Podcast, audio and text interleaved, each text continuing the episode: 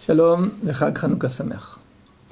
היום אני רוצה לעסוק בשאלת מהותו של חג החנוכה, לפי מה שעולה במקורות המוקדמים.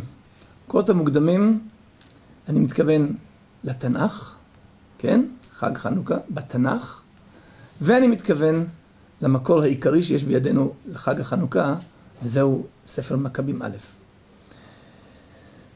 כידוע, אנחנו כולנו יודעים שחג החנוכה אנחנו חוגגים זכר לשני דברים. הניצחון החשמונאים, המכבים, על היוונים והמתייוונים, ונס פח השמן.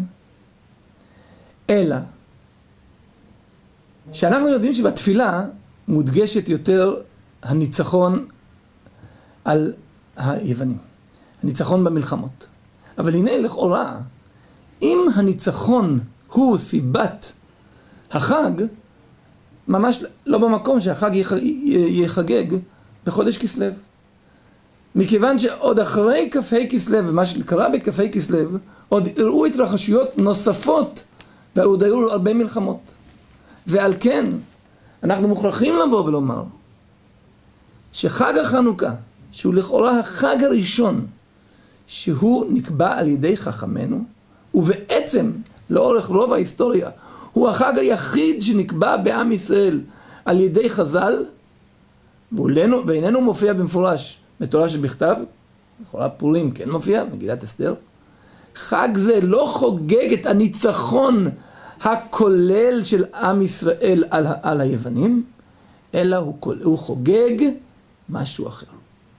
ואנחנו נקרא בספר המכבים, ננסה להבין מה אירע בכ"ה כסלו, ואז נוכל באמת להבין את עומקו של החג הזה. כ"ה כסלו מוזכר בספר מכבים פעמיים. אני קורא בספר מכבים א', שהוא הספר הקדום יותר, ככל נכתב במקורו בעברית, בתקופה הקרובה מאוד להתרחשויות. מכיוון שהכותב בקיא מאוד בזמנים, בגיאוגרפיה, לא ניכנס לזה. והנה מכבים א', פרק א', ובחמישה עשר יום בכסלו בחמש וארבעים ומאה שנה, אנחנו מדברים על שנת מאה ארבעים וחמש לשלטון יוון, בנו שיקוץ משומם על המזבח, ובערי יהודה סביב בנו במות, ובפתחי הבתים, שימו לב, בנו במות, הכריחו אנשים לבנות במות, בפתחי הבתים, וברחובות זבחו. בספרי התורה שמצאו, שרפו באש וקוראם. ובכל אשר יימצא בידי איש ספר ברית וכל אשר יחפוץ תורת דת המלך לאמיתו. בתוקפם עשו כן לישראל, לישראל הנמצאים בחודש בחודשו בערים.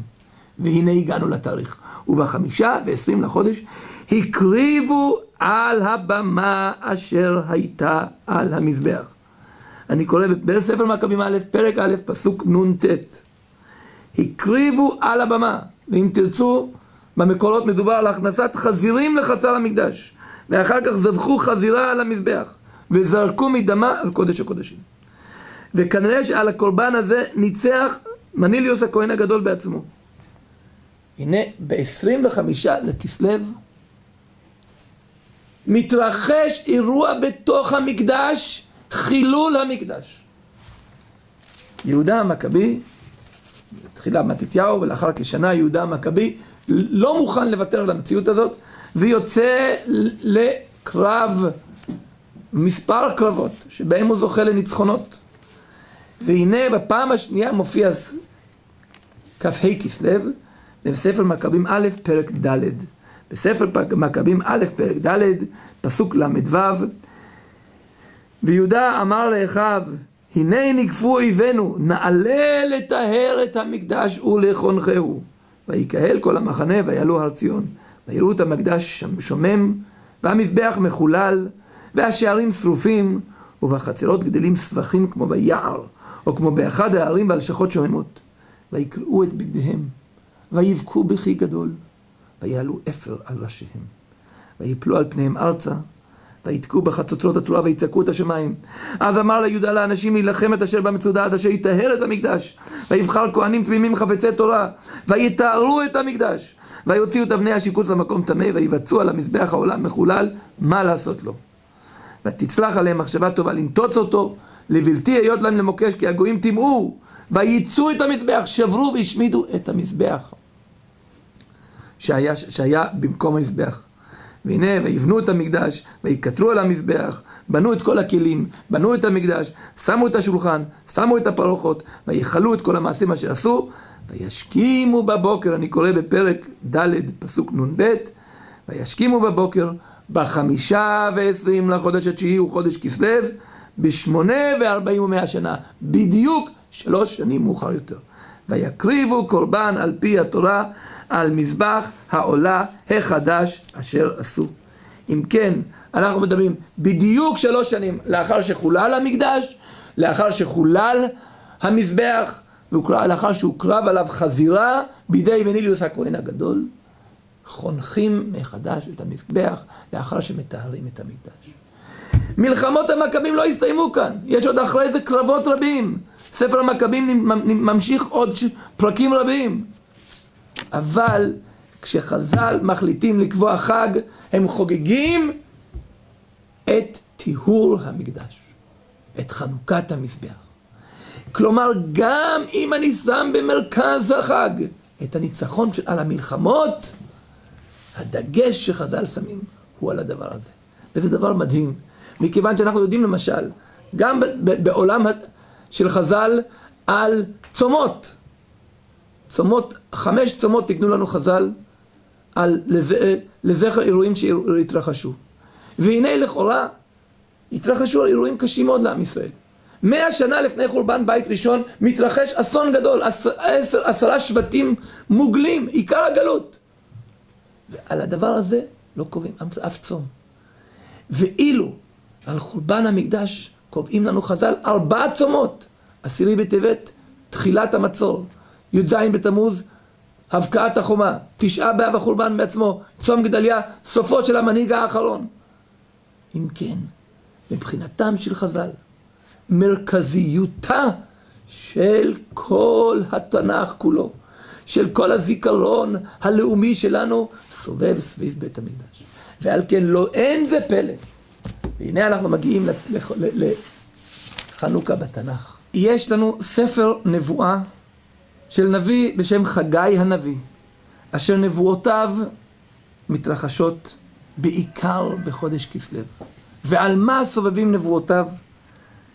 חגי הנביא, אני קורא בספר חגי פרק א' פסוק ג' ויהי דבר אדוני ביד חגי הנביא לאמור. חגי בא בתקופה שהעם אומרים לא הגיע הזמן לבנות את בית השם. וחגי אומר להם, העת לכם אתם לשבת בבתיכם סבונים והבית הזה חרב?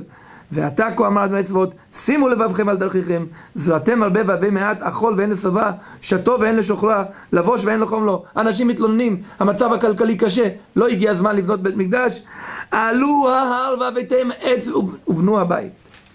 וחגי פונה לשני המנהיגים, למנהיג הרוחני, הכהן הגדול, יהושע בן יהוצדק, ועל המנהיג המדיני, זרובבל בן שאלתיאל, והוא אומר להם רבותיי, אחדו כוחות, הכהן הגדול והמלך והפכה, אחדו כוחות, צאו לדרך. אנחנו מדברים על קרוב ל-20 שנה לאחר שכבר החל תהליך שיבת ציון, לאחר שכבר חנכו את המזבח, אלא מה?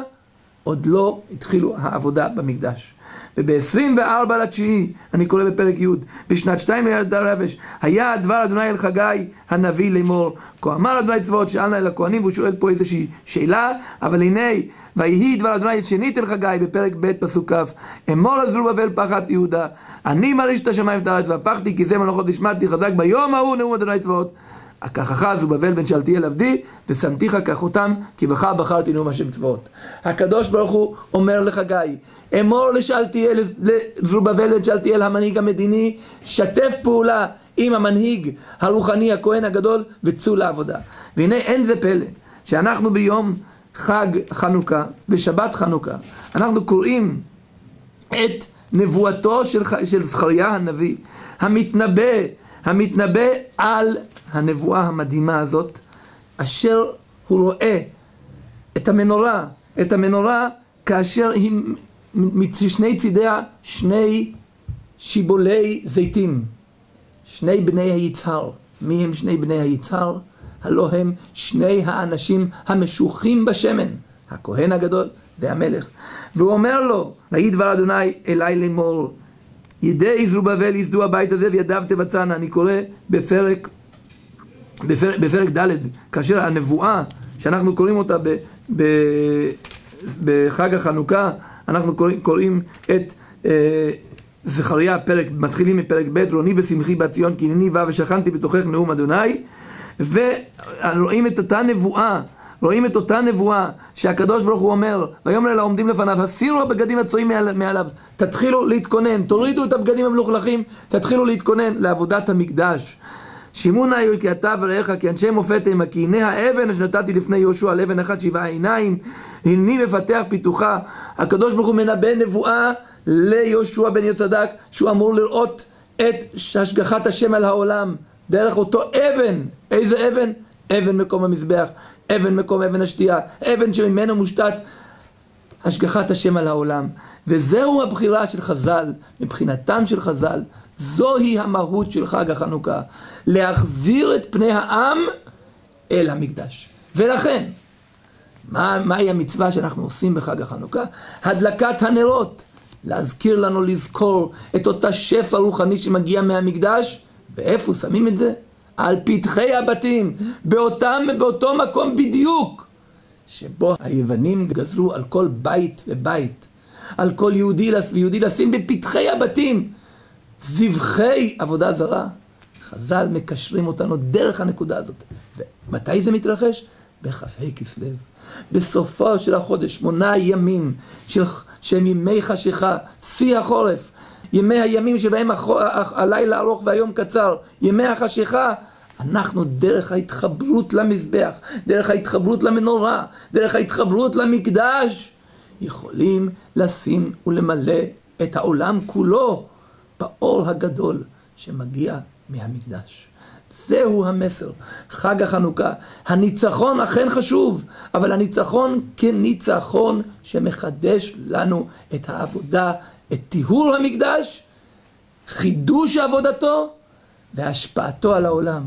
לשים את הנרות, אותה מנורה, אותה חיבור למנורת המקדש על פתחי הבתים כהכרזה.